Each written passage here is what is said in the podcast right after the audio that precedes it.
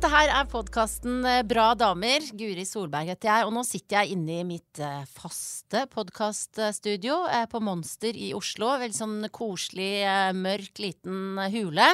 Men 18. mars så skal jeg ta med podkasten min ut fra denne hulen og inn på Rockefeller. Ane Brun er gjest. Det er en bra dame som skal spille, og Ingeborg Heldal, Trine Lise Olsen og Solveig Kloppen skal være med i et panel som jeg har kalt Bra damer om bra damer. Og alt dette her får du med deg hvis du eh, kommer på Rockefeller 18. mars. Nå hørtes dette veldig ut som en sånn reklame, og det var det jo. Men nå til hovedsaken i dag, nemlig dagens eh, podkast og dagens eh, gjest. Hun sitter foran meg i en utrolig kul blå jumpsuit. Vi kommer sikkert til å snakke om den. Og så skal vi snakke masse om den nydelige musikken hennes, for hun har akkurat kommet med ny plate. Den heter 100 dager. Velkommen hit, Ine Hoem. Tusen hjertelig takk. Du, du har uh, hatt, vært oppe noen timer allerede. Nå er klokka elleve på formiddagen. Mm. Uh, kan ikke du snakke meg gjennom uh, dagen din så langt? Ja, nå sto jeg opp kvart på seks i dag og ble hentet i en taxi. Kjørt ned til Aker Brygge for å være med på God morgen Norge, da. Det er litt sånn der promoperiode, så da er jo ofte God morgen Norge en sånn naturlig stopp på veien, da.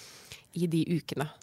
Og så Datteren min har hatt en sånn idiotisk hoste, så nå har vi prøvd en sånn ny soveløsning hvor hun og pappaen sover inne i vår dobbeltseng. Og så har jeg nå flyttet meg ut på sofaen, og det funker utrolig bra. For alle involverte? Eller? Ja, det virker litt sånn, altså. Jeg våkner i hvert fall uthvilt opp på den harde sofaen. Av en eller annen grunn så funker det veldig bra.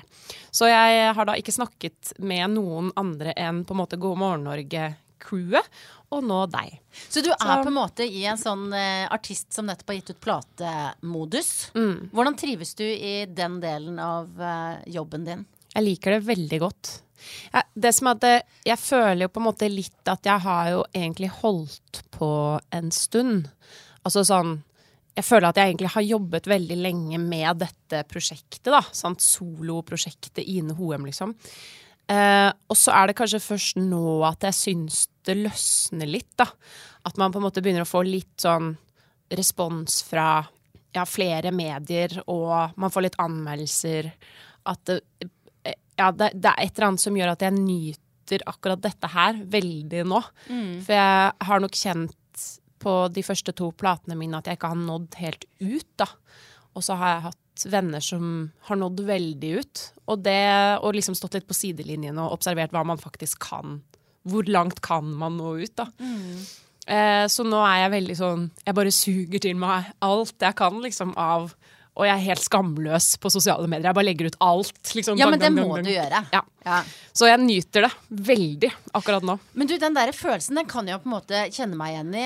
Altså, Den bransjen jeg har havna i, er jo på mange vis uh, litt lik uh, ja. den bransjen du jobber i. Mm. Og den der følelsen av at åh, har jeg gjort noe bra, men det er jo ikke så mange som hører det, eller det er ikke så mange som har gjort det, og så ser man andre få det til, og så mm. kan man kjenne på Eller nå snakker jeg for meg selv, da, at man kan kjenne på en sånn gryende misunnelse, kanskje mm. til og med kjenne på en bitterhet av og til, som er ganske sånn teite følelser å ha. Ja, ja. Eh, hvordan, hvor mye kjenner du deg igjen i, i det? Sånn Nei, jeg kjenner meg veldig godt igjen i det, særlig fordi jeg Altså, jeg hadde jo et band som spilte ganske mye da jeg studerte, som heter Pellebos. Det var et litt sånn crossover rock-jazz-pop-band, da.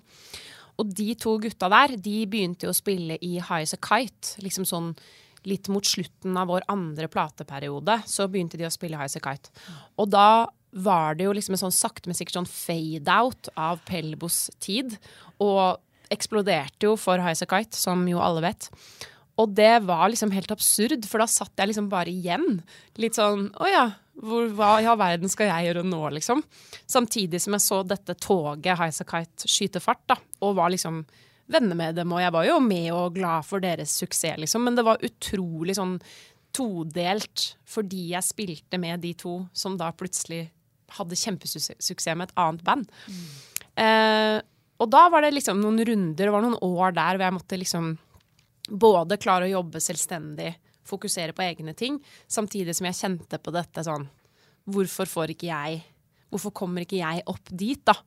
Um, og det Ja, det har tatt meg ganske mange år før jeg liksom har liksom roet meg litt i det, da. Mm. Um, og nå kjenner jeg at jeg egentlig ikke bryr meg så veldig mye lenger. Det er klart, man vil jo alltid få til masse ting.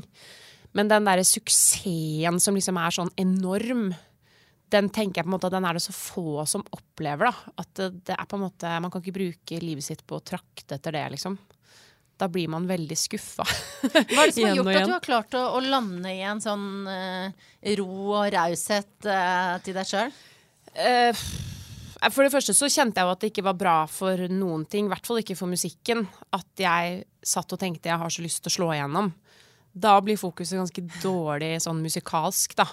Hvis man prøver å lage hitmusikk eller prøver å lage noe som skal treffe, så får man det egentlig ikke til. Altså. Eller jeg får i hvert fall ikke det til. Men har du sittet da i, på, på låtskriverloftet ditt, uh, ja hvis du har det, da, jeg vet ikke, dette bare kommer jeg på nå, men der ja, du sitter og skriver og liksom tenkt nå må jeg skrive denne hiten? Ja, eller jeg tror jeg i hvert fall har tenkt at jeg har lyst til å få en låt på radio. Jeg har lyst til at det skal låte litt sånn og sånn. Og ja, jeg ser hvordan de gjør det. Kanskje jeg skal prøve å lage litt tilsvarende lydbrød. Så jeg har liksom hatt øynene vendt veldig sånn utover og hentet veldig mye impulser fra utsida. Eh, og det var for så vidt greit å gjøre det, men det, jeg, jeg, tror mer på det at man skal bare sitte og finne ut av sin greie, da. Som jeg kjenner at jeg har klart mye mer da, på denne plata her, tredje albumet. Og det merker jeg også på responsen. sant? At jeg har liksom ikke hatt noe sånn sånne eh, hva heter sånn rød djevel som sitter på skulderen og sier sånn Nei, du er i hvert fall ikke så god til å skrive låter som mm. Men jeg har bare tenkt sånn Jeg, sånne sanger skriver jeg. Ja. Og da godtatt litt mer det som kom, da. Og det har vært veldig Ja, det har vært veldig fint. Og det har vært mye morsommere å jobbe sånn også.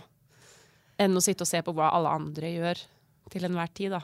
Ja. Søren, altså det der er imponerende. Det er jo noe å strekke seg etter uansett hva slags jobb man har. Altså. Ja, det er, ikke jo, så lett. Nei, det er jo dritvanskelig. Og det er ja. jo liksom skjebnens ironi òg, da. At ja. idet man liksom det du liksom gir slipp på ønsket om å skulle hevde deg, ja. så blir du fri og klarer å skape noe som, du, som gjør at du skaper noe som gjør at du hevder deg. Ja, det er ja, supert. Ja, det er jo eh, Og så kan man jo på en måte måle hva er liksom suksess, sant det er jo en suksess for å nå ut veldig bredt eller til veldig mange mennesker, er jo én form for suksess. Men jeg tenker jo at hvis jeg klarer å leve av dette liksom uten å måtte gjøre noe annet, da, og har det skikkelig gøy med det, liksom, så kanskje jeg er fornøyd med da, den lille gruppen mennesker som jeg når akkurat nå. Og så kan jeg tenke sånn Kanskje jeg kan bli sånn som Kari Bremnes, liksom, som mm. selger ut Sentrum Scene i en alder av ja, om 15 år, da. Ja. Det er liksom Det hadde vært fett å få til det, sant? Istedenfor å gjøre det akkurat nå. For det Suksess går så veldig fort over òg. Man blir så utrolig sånn Folk beveger seg jo til neste opplegg liksom veldig kjapt. Så man kan kanskje ikke basere hele livet sitt på det. Og så er det én ja. ting at, at uh, ofte når man holder på med sånne kreative ting, og som du også har gjort, da, vært i Pelbo, vært i band og hatt liksom en gjeng å lene deg på. Ja. Uh, nå har du jo et veldig bra band, men det er Ine Hoem, liksom. Det er du som står foran. Ja, det er jo en stor frihet sikkert i det, men også en ei tung bør å bære.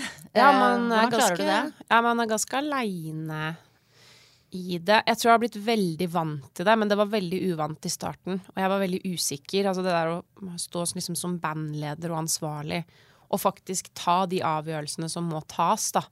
I alle mulige ledd av en produksjon eller et cover eller et pressebilde eller hva som helst. Så det har tatt også veldig lang tid å bli trygge på det. Men nå er det jo Man blir jo litt sånn Etter hvert så blir man sånn eremitt, sant. Så man klarer plutselig ikke å samarbeide med noen. Man har bare lyst til å ta alle beslutninger selv. Og sitte sånn altså For eksempel så har jeg sittet og laget min egen nettside. Og det var jo selvfølgelig litt for å spare penger, men det var også fordi at jeg hadde liksom lyst til å lære meg det. For jeg liker så godt å være uavhengig av en eller annen person jeg må kommunisere med om den nettsiden. da. Det er så slitsomt å drive og sende mail til folk sånn Kan du endre litt sånn og sånn? Kan du fikse ditt og datt? Ja, ja. Så jeg brukte isteden fire uker da, på å lage den nettsiden. Og det er jo veldig sånn mestringsfølelse. Sånn. Man klarer å gjøre det aleine. Litt sånn do it yourself. Ja, ja, ja. Men hvordan er du, ikke sant? For det, i, som bandleder, da, for eksempel, eh, så er det jo viktig for deg at eh, dine låter skal være dine låter, og gjerne sånn som du har forestilt dem. Det, det, involverer vel sikkert at du må gi noen såkalt tydelige beskjeder underveis i prosessen. Eh, mm. Hvordan syns du det er? Åh, jeg syns det kan være ganske vanskelig, selv fordi jeg har en tendens til å gå veldig inn i sånne lange setninger som er veldig lite konkrete. For eksempel så I studio da jeg jobbet med den 100 dager-plata nå, så jobba jeg jo med det jeg kaller mann 37 pluss. Altså bare mannfolk som er eldre enn meg. Eh, som er fantastiske musikere og alt sånn, altså. Men eh, man blir kanskje litt sånn Kan føle seg litt sånn aleine i en sånn gutteklubb, da. Hvor de har en sjargong. De kjente hverandre ganske godt fra før, og sånn, mens jeg kjente ikke alle så godt. Uh, og da satt jeg liksom bak i sofaen mens de diskuterte en eller annen gitar da, som skulle være der eller ikke være der. Og alle var veldig engasjert, og det var jo kjempekult. Og jeg satt og tenkte sånn Fy søren, jeg vil ikke ha den gitaren der. Det ødelegger for nærheten i låta, satt jeg og tenkte. Og så prøvde jeg å si det, og så endte det opp at det ble sånn ja, jeg føler liksom at vi mister litt sånn på en måte nærheten til teksten. Altså, jeg har tenkt på denne sangen sånn og sånn og sånn, og så holdt jeg sånt langt foredrag om sangen. Og til slutt så, så jeg bare at de gutta var sånn, skjønte liksom ikke helt hva jeg hadde prøvd å si. Og så var det sånn, ja, ok, liksom, og så bare snudde de ryggen til. Og da tenkte jeg bare sånn, nå begynner jeg å grine. Hvorfor klarer de ikke å høre på meg? Og så dro jeg hjem til mannen min og fortalte dette sånn. Jeg, jeg, klikker, liksom. Det er så vanskelig å komme gjennom med det jeg har lyst til å si. Og så sa han bare sånn, men du må bare si ta vekk den gitaren. Jeg syns den er stygg, liksom. Altså sånn, da. Ja. Tydelig melding. For det kommer de til å forstå på en annen måte. Så det handler liksom litt om måten jeg ordlegger meg på, uten at folk blir lei seg for det. Mm. De er profesjonelle musikere, liksom. De takler jo å høre at jeg ikke vil ha den gitaren. Ja, Gikk du tilbake dagen etter og sa 'ta bort gitaren, den er stygg'? Yes. Ja. Og hvordan gikk det? Nei, Det var i hvert fall sånn at da fikk jeg oppmerksomheten deres, da. Ja. Så, eh, nei, liksom med, så da tok jeg meg selv i å på en måte Både sånn når man er dame i et sånn mannsdominert miljø, da, som jo musikkbransjen fortsatt er i veldig stor grad, um, at jeg at jeg liksom ikke har så lyst til å sitte og ha den der rollen som artisten som ikke blir hørt, men at det handler om at jeg måtte ta litt ansvar selv. da. For jeg tror ikke de gutta egentlig tenker sånn Vi skal ikke høre på henne. Tvert imot. De er jo opptatt av hva jeg syns. Jeg tror de veldig lett havner inn i en sånn musikerboble, da. Og da må jo jeg ta grep for å endre den strukturen. Som bandleder og som jente òg, da. Um, ja. Så det var liksom et sånn gjennombrudd for mm. min egen del, egentlig. Og det er nok mange også av oss som ikke har gitt ut plate, som kjenner seg igjen i, i en sånn situasjon. Mm. Du har jo tydeligvis da funnet eh, ja, en trygghet eller mot eller verktøy til å si fra. Eh, hva var det som hva var det som lå under? Hva var det du var redd for før du turte, turte å si at den gitaren var stygg? Jeg var både redd for at gitaristen skulle bli lei seg. Han var jo også produsent. Og jeg ville jo at stemningen skulle være god mellom oss. Eh, og så var jeg også ikke helt sikker på om den gitaren var stygg. Det er jo veldig mye du kan gjøre med teknisk sånn, for å få lyden til å bli annerledes og sånn som jeg kanskje ikke kan nok om. Så jeg var ikke helt trygg i den påstanden min heller. Eh, og så Jeg vet ikke. At man kanskje er redd for å virke som at man er bare litt sånn sur og negativ. Mm. som jeg egentlig ikke tror at jeg oppfatter som utgangspunktet, men man vil ha god stemning, ikke sant? Ja, og, så, og, så, blir man litt sånn Shit, disse her er jo sinnssykt flinke folk, har spilt med alle mulige heldig er jeg, på en måte, som får lov til å ha disse på plata mi. Jeg vil ikke bli tenkt på som hun som er litt sånn sur og ikke fornøyd. Og det er jo på en måte ikke det man skal tenke. Man må jo bare tenke her har jeg folk som skal gjøre en jobb, og det er mitt navn som skal stå på den plata. Så det viktigste er jo at jeg er fornøyd. Mm. Og så får de heller svelge noen kameler underveis hvis ikke de er helt enige med meg. Men jeg har jo opplevd at ting jeg syns har vært stygt, har blitt fint etter noen uker. Så man er ikke, man er ikke liksom Ja, man blir jo ikke helt sikker, sant. Man må jo tvile litt underveis. Ja, Men kanskje komme med en tydelig beskjed uten så mange forbehold, da. Må jo være litt sånn lærdom eh, ja. ut fra det der. Altså, tenk på sånn, Hvordan er det folk kommuniserer liksom, når man har dårlig tid eller rundt et møtebord? Eller, det er jo ofte veldig sånn derre Da syns jeg vi skal gjøre sånn og sånn og sånn. Man forholder seg til protokoll eller liksom en regel eller et sånt ja, et styre, Hvordan et styremøte f.eks. fungerer. da. Og det er jo veldig vanskelig å putte det inn i kunst og musikk, for det er jo liksom følelsesmessig ja. for dem som har laget det. Men jeg har veldig troa på at man skal kunne kommunisere forståelig likevel, da. Uten at man skal sitte og begynne å grine i studio etterpå. Men altså, jeg har hørt om mannfolk som har blitt sinte i studio, altså mannlige artister, da. Ja. Som har også blitt rasende fordi de ikke syns at noe funker, eller man, Vi er jo emosjonelle folk, liksom, vi som holder på med dette her. Så, Og godt er det, da. ja, godt er det. Ja, for det blir jo nydelig musikk av. Og nå har jeg hørt veldig mye på 100 dager, som er da første, første gang du synger eh, på norsk, eller skriver egne låter på norsk. Jeg har møtt deg en gang før. Det var, jeg fant ut for tre år siden i Trondheim, da vi begge opptrådte. Jeg hadde podkast, og du eh, spilte på Feminalen i Trondheim. Og da var det jo et helt annet landskap. Ja. Eh, da, jeg husker ikke hva du hadde på deg, men jeg husker, husker musikken din som, eh, som elektronisk. Du sang på engelsk om å være a mermaid. Det var, jeg likte det utrolig godt. Eh, og så nå er det helt sånn enda nå er det veldig sånn singer-songwriter-tradisjon. Helt sånn tett på deg med norske tekster. Um, så det har på en måte skjedd Eller hva er det som har gjort at du har forandra deg så veldig? Jeg vet ikke, jeg tenker at fra hver plate så er det en slags sånn reaksjon da, Ja. på at det forrige plata skal jeg i hvert fall ikke lage en som er lik. Kanskje tvert imot. Jeg vil gå en helt annen vei.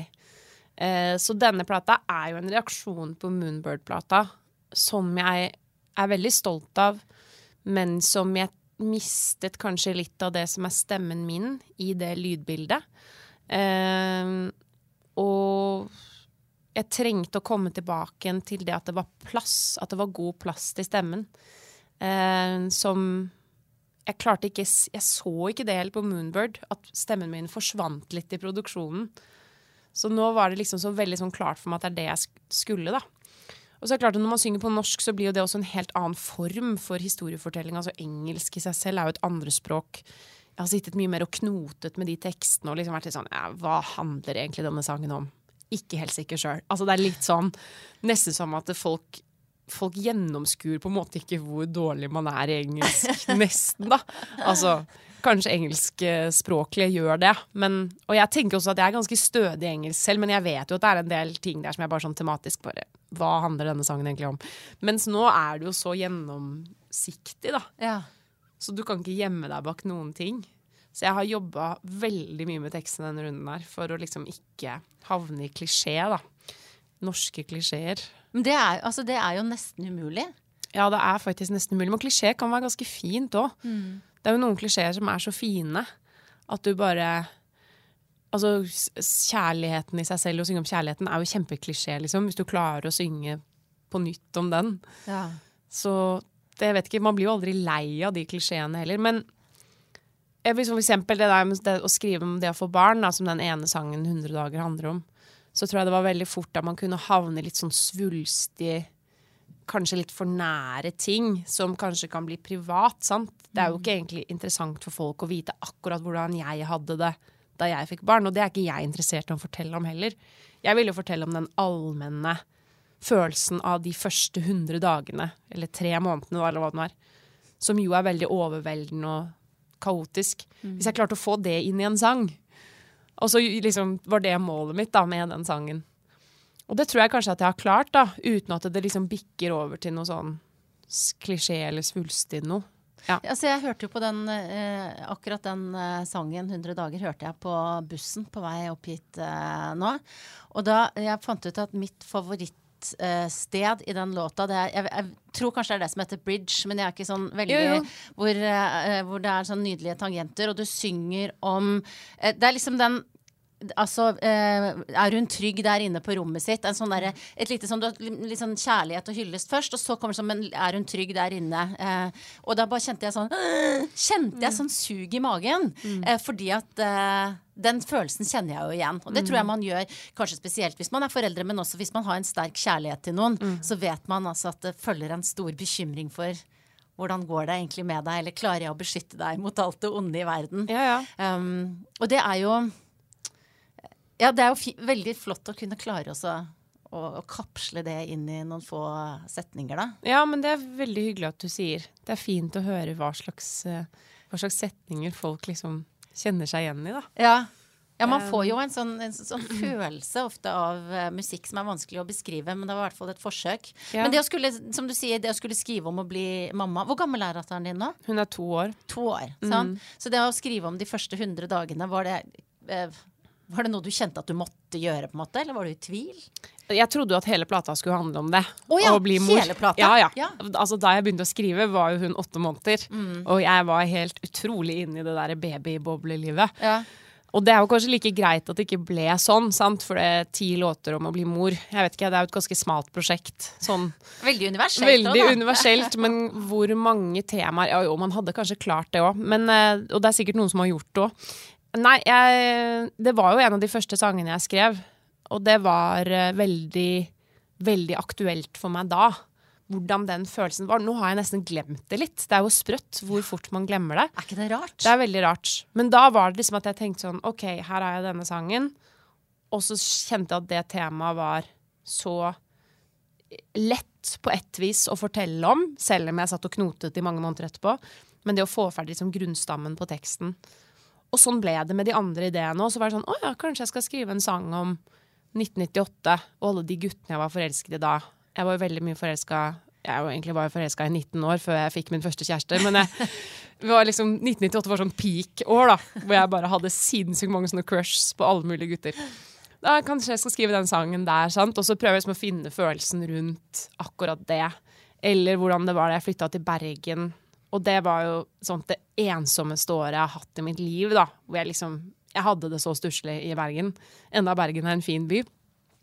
Så klarte jeg liksom å finne sånne punkter i livet som jeg husker så godt, som var på en måte liksom skjellsettende. Og det var jo det som ble på en måte tematikken for alle sangene til slutt.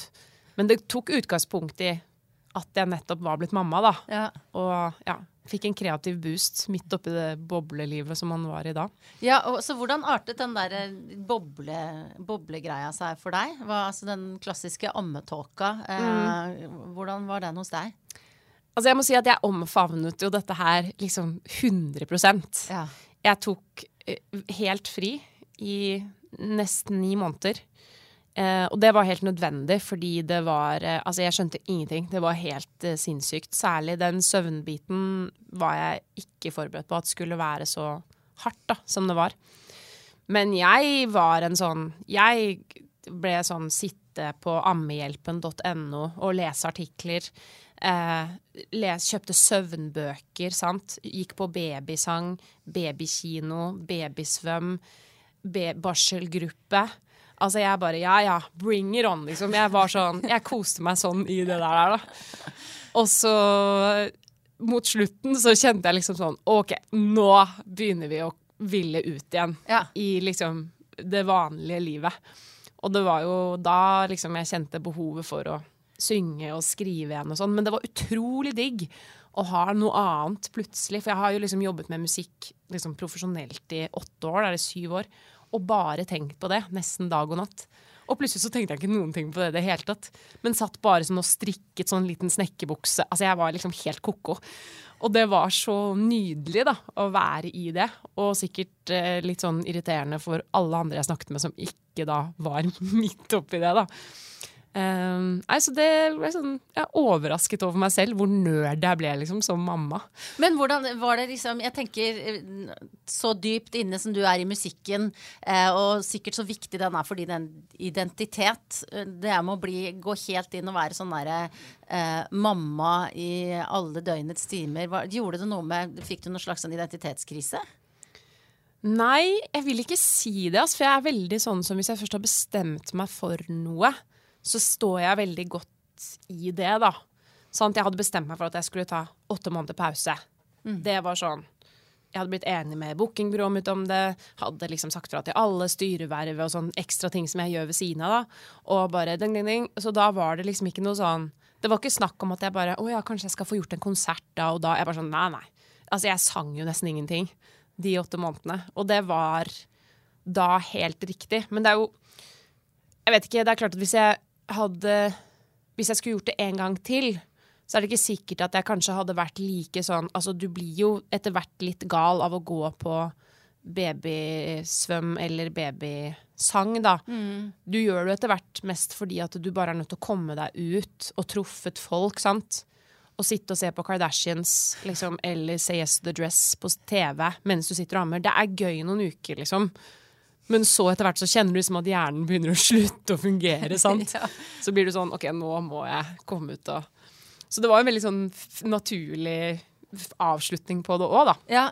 Ja. Og nå har du jo helt åpenbart klart å liksom riste vekk den verste uh, søvntåka, og har jo liksom klart å presse ut masse eh, nydelige, tydelige, klare tekster Ja. som ikke bærer preg av noe sånn derre ullenhet, som i hvert fall jeg husker veldig godt fra den tida jeg var i den uh, samme tåka. Og hvis man går på da dine nettsider som du har laga sjøl, ikke sant, eh, så kan man jo da se og Jeg har vært og kikka en sånn minidokumentar om deg, hvor du forteller om tilblivelsen av denne pra Mm -hmm. Litt sånn låtskriverdrodling med Odd Nordstoga. Litt sånn låtskriverdrodling med pappaen din, Edvard Hoem. Eh, for du har jo ikke sant, du har jo et navn sånn Ine Hoem. Og det er sikkert eh, mange artister som har en forfatterfar eller mor, men det er et eller annet med det her Hoem-navnet som er sånn litt sånn gullkanta, da. Eh, eh, er, det, er det tyngende, eller er det noe du liksom tar med deg som en styrke? Jeg tar det med meg som en styrke. Altså, jeg har jo Jeg vet ikke. Jeg har jo vokst opp med at pappa alltid har vært en sånn skikkelse for folk. Ja, en skikkelse er jo det han er. Ja, det er på en måte det beste måten å beskrive han på. Og så merker jeg også sånn Siden jeg var liten og jeg har sagt at jeg heter Ine Hoem, så har liksom folk vært sånn Å ja, er du i slekt med forfatteren, kanskje? Sånn, det, det spørsmålet kommer veldig ofte. Ja. Og det har jeg på en måte bare alltid tenkt at ja, ja, men sånn er det bare. Og så er jeg jo veldig stolt av han. Sant? Han har jo på en måte jobba som kunstner hele livet og hatt liksom Hva skal jeg si eh, Og klart å holde ut av det der livsprosjektet med å skrive og skrive og skrive, og så tryne, men så lykkes. Altså jeg har liksom sett veien, og det har vært veldig inspirerende for meg òg. Så på mange måter så har det egentlig bare vært et pluss. På mange måter. Eh, og så er vi jo ikke i samme sjangere heller. Sant? Det hadde sikkert vært annerledes hvis jeg skrev bøker selv, men uh, Ja.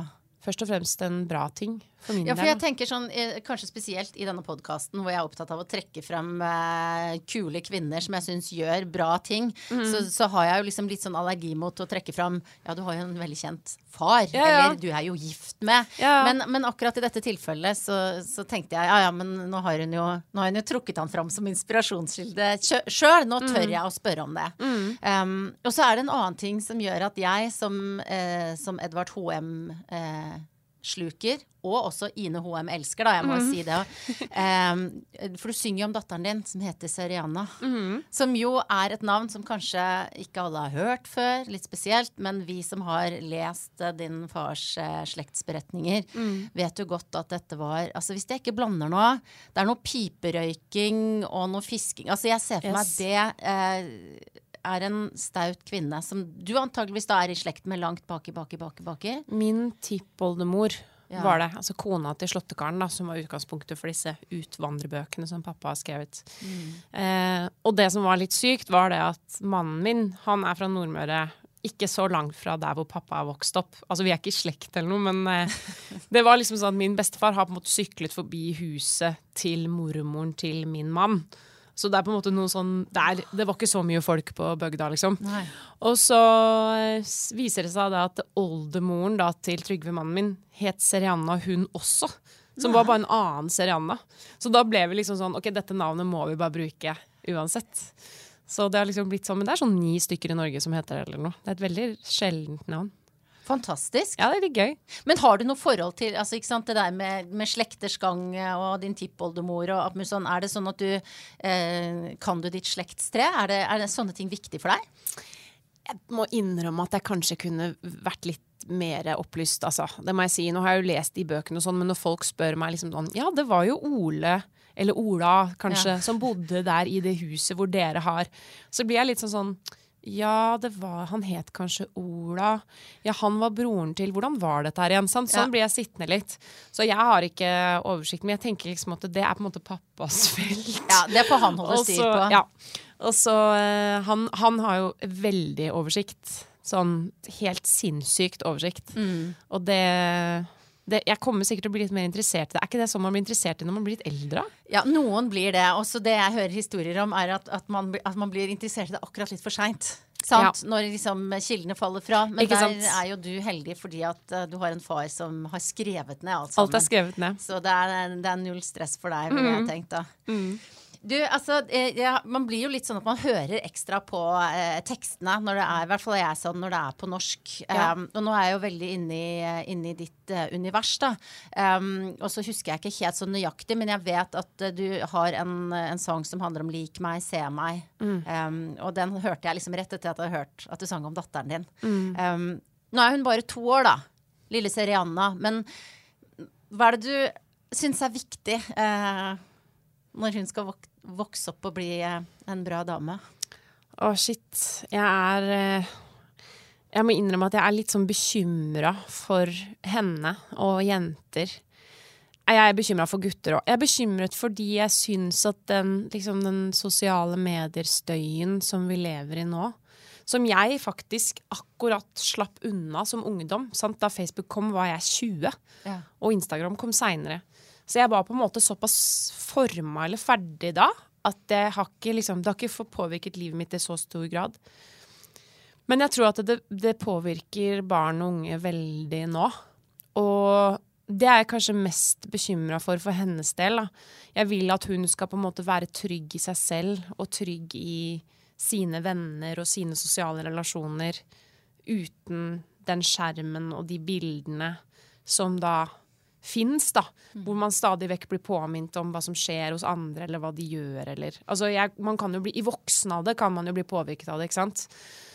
Um, og så sier mannen min at han tror kanskje at det kommer til å gå vekk, da. At om, ja, men om ti år så er det ikke så stort med ditt og datt. Jeg er sikker på at da kommer det til å være noe annet som kommer til å påvirke. Eh, da vi vokste opp, så var det liksom sånn Du visste jo på en måte ikke om hvem som hang sammen på en måte klokka fem på ettermiddagen. Sant? Da satt man jo hjemme, eller man hang med noen andre. Så du fikk det ikke liksom rett i fleisen. Kanskje du hørte om det dagen etter, at noen hadde hatt en bursdag som du ikke ble invitert til. Men det var på en måte ikke så umiddelbart, da. Så det, det må jeg si er sånn som jeg tenker veldig mye på, og særlig i forhold til sånn uh, utestenging, da, som den sangen handler om. Den er jo skrevet egentlig for den serien som heter Lik meg, som Ja. er en sånn ungdomsserie Som søsteren din eh, som søsteren min har skrevet Ja. og, og regissert. Så det var liksom der ideen kom fra, da. Og da, da, da jeg, jeg, har jo, jeg har jo kjent på utestenging selv på kroppen da jeg gikk på barne- og ungdomsskolen. Og den serien også på en måte tegner et veldig riktig bilde av hvordan det er. da. Og jeg merker at jeg allerede nå i barnehagen kan sitte sånn og snakke med hun barnehagelæreren sånn Ja, jeg syns det er veldig viktig at dere ikke timer opp de jentene for mye, for de sånn og sånn og sånn. Men de, altså, de er jo to år, de, har, altså, de leker jo knapt sammen, liksom. De sitter jo bare ved siden av hverandre og slår på en stein. Så hun så litt rart på meg, og så tenkte jeg bare sånn OK, vi er kanskje litt tidlig ute nå med å liksom bli bekymret for hennes vennekrets i barnehagen. Ja. Men jeg tror det er sykt viktig at man er bevisst på det, da. Som foreldre. Ja. At, eller også at jeg er bevisst på at Serana aldri skal utestenge noen. Det er på en måte det samme. Jeg er like redd for det, egentlig, som at hun ikke skal ha noen. For det, begge deler er jo forferdelig. Så ja. Shit, jeg har egentlig aldri tenkt Jeg har aldri blitt spurt om det temaet før. Jeg har egentlig veldig Det er sånn som det, det treffer meg litt, akkurat det temaet der. Ja, det er jo den der bekymringen igjen, da, eh, fra låta di. Men Mhm. sant? jo større kjærligheten er, jo eh, større er den der bekymringa, altså. Og det er Ja. jo eh, mange ting man kan bekymre seg for. Men Ja. jeg, jeg, jeg er helt enig med deg. Den der, det er like ille det hvis hun skulle vært en utestenger, som at hun stenger noen ute. Det er liksom en sånn utrolig sår ting å tenke på uansett. Ja, det er det. Men du har jo kjent på det selv, sier du. Hva husker du selv fra den opplevelsen du hadde av å bli utestengt? Jeg husker at vi var jo um, Altså, jeg var på en måte ikke de, en av de kuleste, men jeg hang litt med de kule. Sånn at jeg var liksom ikke helt utenfor, men jeg var liksom ikke helt innenfor heller. Jeg var liksom litt sånn ut og inn. Uh, og det husker jeg at vi Men vi var jo helt forferdelige alle sammen. Sant? Vi kunne avtale sånn Nå skal vi være sammen bare vi to i tre måneder etter skoletid. Og hun andre får ikke være med. Vi var tre jenter da. Og det var sånn vi holdt på. Sånn drive og sende hverandre brev sånn i klassen sånn 'Jeg vil bare si at jeg liker deg bedre enn henne'. Altså, det var helt grusomt. Og det er akkurat som at man bare blir sånn for å overleve da, som barn. Så kjører man på en måte samme stil tilbake.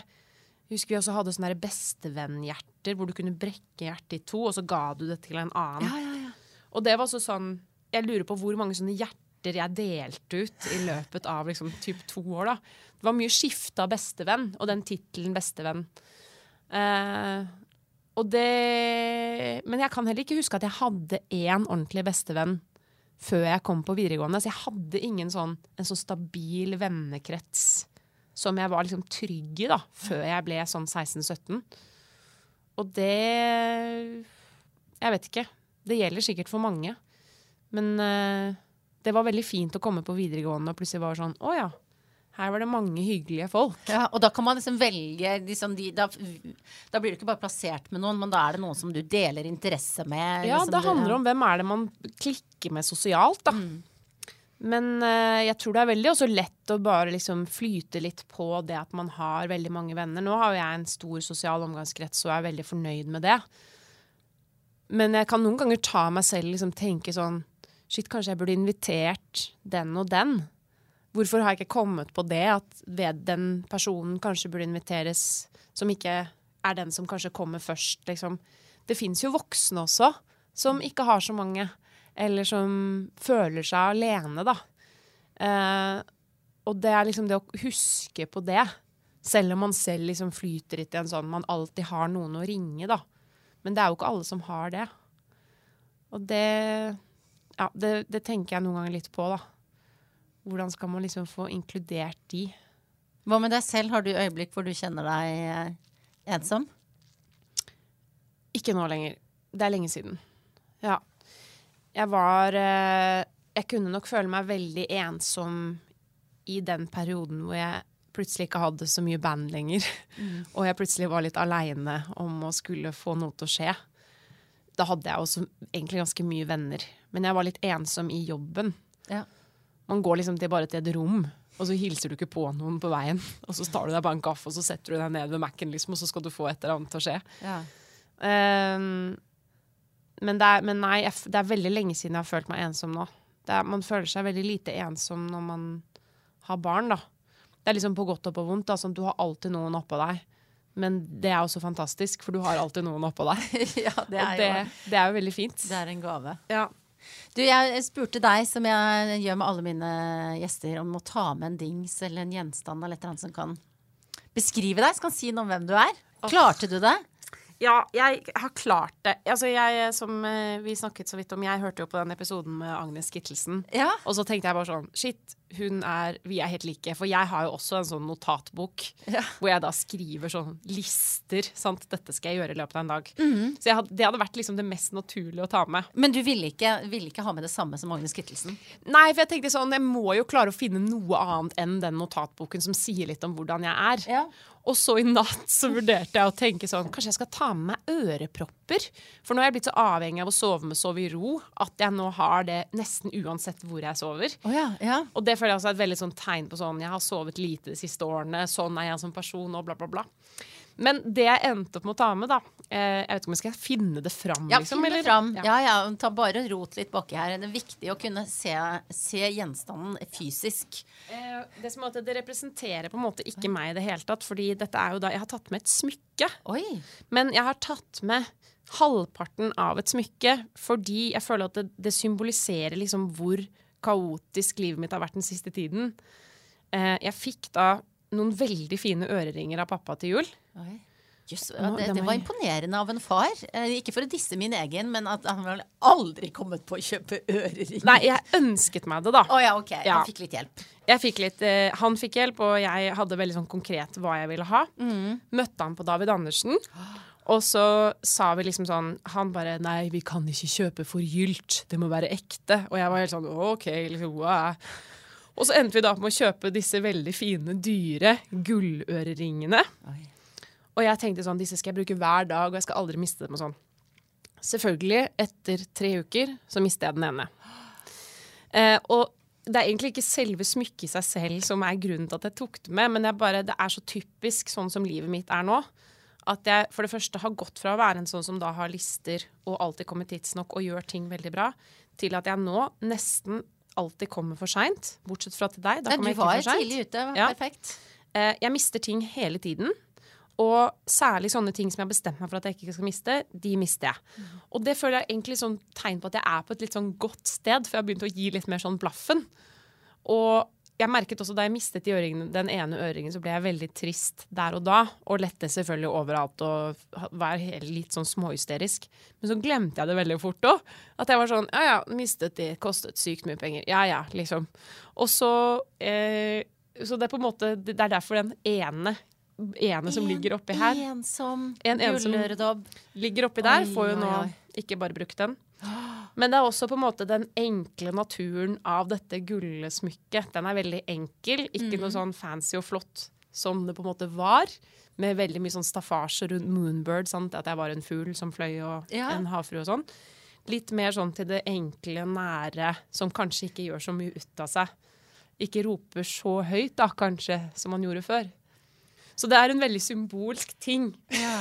Vet du, blir hvis dette hadde vært en oppgave du skulle få karakter på, så hadde du fått litt ekstra stjerne i boka i dag, Ine. Dette var en nydelig svar på, eh, på spørsmålet om dingsen. Ja, det er hyggelig å høre. Er det noe, har du noe mistanke om hvor du kan ha mistet denne gulløredobben? Så vi kan sende ut en etterlysning til eh, en Eva Atling gulløredobb? Et sted mellom Stortorvets gjestgiveri og Etterstadgata. Ja. På bussen i det strekket der. Ja. Der er det noe. ja. Eh, ellers så er det Eis, den, den er gone, altså. ja. For alltid. Men eh, nå har jeg faktisk nå bestilt en ny, da. Jeg var på David Andersen i dag, fordi jeg kjente at jeg, jeg kan ikke leve med det faktum at jeg bare har én. Så Nei. nå har jeg faktisk bestilt en til. Vet faren din at du har mista den? Nei. Nei. Og vi satser på at han ikke kommer til å høre om dette her, for jeg tror han hadde blitt litt sånn skuffa over det. For vi sto og snakket om det sånn, nå må du ikke miste den. Og jeg bare nei, nei, selvfølgelig skal jeg ikke miste den. Så går det tre uker, så mister jeg den. Det som er interessant, er at jeg, om ikke akkurat på samme strekning, så i hvert fall helt i nærheten, har fant et Eva Atling armbånd. Er det sant? Ja. Og jeg fant det, bare plukka det opp, for jeg så det lå noe bling-bling. Mhm. Lot det ligge hjemme lenge, før jeg liksom så nærmere på det og klarte å se merket. Gikk på nettsiden og så at jeg hadde funnet et armbånd til en verdi av 9000 kroner. Så nå outer jeg meg selv, da. Så gikk jeg på noen sånn, litt sånn halvhjerta forsøk på noen sånn Facebook-sider hvor man kan Det fins jo sånn. noen sånne sider, ja. Eh, og så var jeg litt sånn, skal jeg gi til politiet? Skal jeg? Men det er altså hjemme hos meg. Sånn at hvis Mm. noen så, Og jeg bruker det av og til. Det er jo litt sånn med ærbødighet. Man bærer så dyre smykker. Ja, det er det jeg skjønte jeg også, at det kanskje ikke det er sånn at du går rundt og bruker det når du skal på sats, liksom. Altså det var litt sånn Jeg kan på en måte være så sløv at jeg kan gjøre det. Og nå, så nå skal jeg skjerpe meg, da. Når jeg nå får denne her, så blir det kun til spesielle anledninger. Du har allerede avslørt at du er kledd i en eh, veldig raff buksedress eh, i blått. Um, og jeg pleier å spørre alle gjestene mine hvor lang tid de brukte på å finne ut hva de skulle ha på seg i dag. Mm. Eh, hvor lang tid trengte du for å finne fram den fra skapet? Nei, altså nå, det var det jeg sa til i stad. at Jeg føler at nå er denne buksedressen litt brukt opp. For at nå har jeg både brukt den på releasefesten Altså det er plutselig sånn, Du finner liksom ett plagg da, som funker i veldig mange sammenhenger. Eh, så jeg brukte ca. tre sekunder på å bare raske den med meg og putte den i en sekk. Eh, men da hadde jeg allerede tenkt at den kan funke på God morgen Norge. Ja. Den vil se akkurat passe pynta casual ut. Eh, og nå må jeg da liksom gå på tise og prøve å finne noe nytt da, til Ja. neste sånn opptreden. Og hva ser du etter da? Altså, er det noen sånne ting du huker av på, som at det er det kjoler, er det jumpsuits, farger? Ja, jeg, har jo bestemt meg for at jeg aldri skal gå i, i kjøpe noe mer i grått og svart. Altså ikke Jeg har så mye grått og svart at det er jeg ferdig med. Eh, og så er jeg veldig glad i sånn vintage-ting, da. Dette er jo en sånn vintage et eller annet. Så Ja. alt som er av vintage-greier, går jeg veldig fort og ser på. Eh, og så har jeg, jeg synes det er så gøy med Tise. Altså jeg, har, jeg elsker å legge ut, og jeg har fått solgt så mye greier. Er det sant? Til sånn ingenting. Altså jeg har masse gamle kjoler og sånn som jeg nesten aldri bruker. Men det er utrolig tilfredsstillende å lage det fine bildet og sånn. Da blir jeg vel sånn prosjektet Ja, da koser jeg meg. Ja. Ja. Så der kan man også gjøre Ine Hoem-kupp. Du kan gjøre Ine Hoem-kupp, gamle Pelbo-kjoler som da ikke brukes lenger, som da er kjempefine, men bare ikke den stilen jeg har, da. Og smykker jeg lagt ut, og sko og Nei da. Det er så mye fint du kan finne der. Shoppingtips på tampen. Eh, hva spiste du til frokost i dag, Ine? eh, sånn eh, God morgen Norge-knekkebrød med Ja, for du var jo der, ja, pesto og gulost. Ja. Eh, når hadde du sex sist? Eh, skal vi se, må jeg telle dager Kanskje det er en litt over en uke siden? En uke siden? Ja, ish. Du har jo da en mann, kjæreste, kjæreste eller mann? Av mann vi er gift. Mann, godt gift, med eh, også musiker, hvis jeg ikke tar feil. Er det Ja. kontrabassist? Han er bassist, vet du. Svært instrument, eh, kjekk fyr. Jeg har bare googla han og sett bilder av han. Ja. Hvordan, hvordan eh, ser kalenderen deres ut? Jeg mener, sånn, det, jeg mener ikke sånn sexlivet, men sånn livet generelt. Ja. Uh, med to musikere med litt sånn sikkert ko-ko timeplan. Ja, det er litt ko-ko, altså. Det er sånn logistikk-felleskalender. Drive og plotte inn. Han skal være borte seks uker til høsten, har jeg funnet ut. Eh, ikke sammenhengende, men det er jo ikke så mange uker i løpet av et høsthalvår. Så da er det liksom sånn annenhver uke han er borte, jeg er borte, han er borte, jeg er borte. Sånt kjør, da, som vi driver med. Um, og det er jo uh, slitsomt, selvfølgelig, fordi man må være alene mye, og det er på en måte prisen man betaler. Men det har jeg liksom visst òg, når jeg giftet meg med han, at dette er sånn er livet hans, og sånn er livet mitt. Og så blir vi litt sånn glade når vi får det til, sant? at det går opp på et vis. Nå slipper han plate nå på fredag, faktisk, med sitt band. Og det er liksom sånn Hvem kom på at vi skulle slippe plate med to ukers mellomrom? Altså, hvor dumme går det an å bli? Nei, men sånn gjør vi, da. Ja. Og så er det litt sånn yeah, vi fikk det til, liksom. Begge to fikk vinylen, og så liksom gi hverandre en sånn high five. Og så er man veldig mye hjemme òg, da. Det er det som er fint. Når han ikke er på turné, så er han jo sykt mye hjemme. Og det er jo helt topp. Så eh, ja, både fint og, fint og effektivt. Ja. Du, det jeg kjenner meg veldig igjen i. Gleden over altså, Eller til og med kanskje også romantikken i å få hverdagslogistikken til å gå opp. Ja. Det er helt utrolig hvor supermenneske man kan føle seg når man liksom møtes på Gardermoen, og begge kommer, og det ene har med det ene barnet og den andre, og yes, vi får det til, Ja. du og jeg. Ja. Det er jo helt utrolig. To plater i én husstand. Grattis med det, altså. Jo, tusen takk. Mm. Jeg har jo invitert deg hit, Ine, fordi eh, jeg mener at du er en bra dame. Um, og det kan jo være mange forskjellige grunner til at noen er bra. De fleste er jo bra på en eller annen måte. Eh, hva syns du er, eh, beskriver en bra dame i dine øyne? Jeg syns jo en bra dame er en som på en måte står trygt i seg selv og kan være raus med andre samtidig. Det har jeg tenkt litt på, for jeg syns det har vært veldig mange som har vært veldig rause mot meg de siste ukene. Meldinger fra kolleger og folk som jeg beundrer, som har skrevet liksom hurra for at dette går så bra og sånn. Eh, det tenker jeg at jeg har lyst til å strebe etter selv. Å være raus, liksom. Og framsnakke andre bra damer, da. Ehm, og så tenker jeg også at hvis du klarer liksom det derre komboen av det livet å være noen som er på jobb, noen som er en omsorgsperson, noen som liksom delegerer og styrer og ordner masse i mange forskjellige situasjoner, som nesten alle jenter jeg kjenner gjør, i større eller mindre grad, så er det det å liksom å gi seg selv klapp på skuldra når man gjør det. Når man klarer det. At man liksom er flink til å være raus mot seg selv òg, da. Det er også sånn bra dame hvis man klarer å være raus mot seg selv. Ja. For det syns jeg vi er ganske gode på, er å liksom være litt sånn kritiske. Eller sånn se at ting ikke går 100% Når egentlig ting er sånn Shit, du er god som får til alt dette, ass, på en gang. Så ja, kanskje det. ja. Da syns jeg du kan avslutte med å gi deg sjøl godt klapp på skuldra. Ja, det skal jeg gjøre. Takk skal du ha. Takk for meg.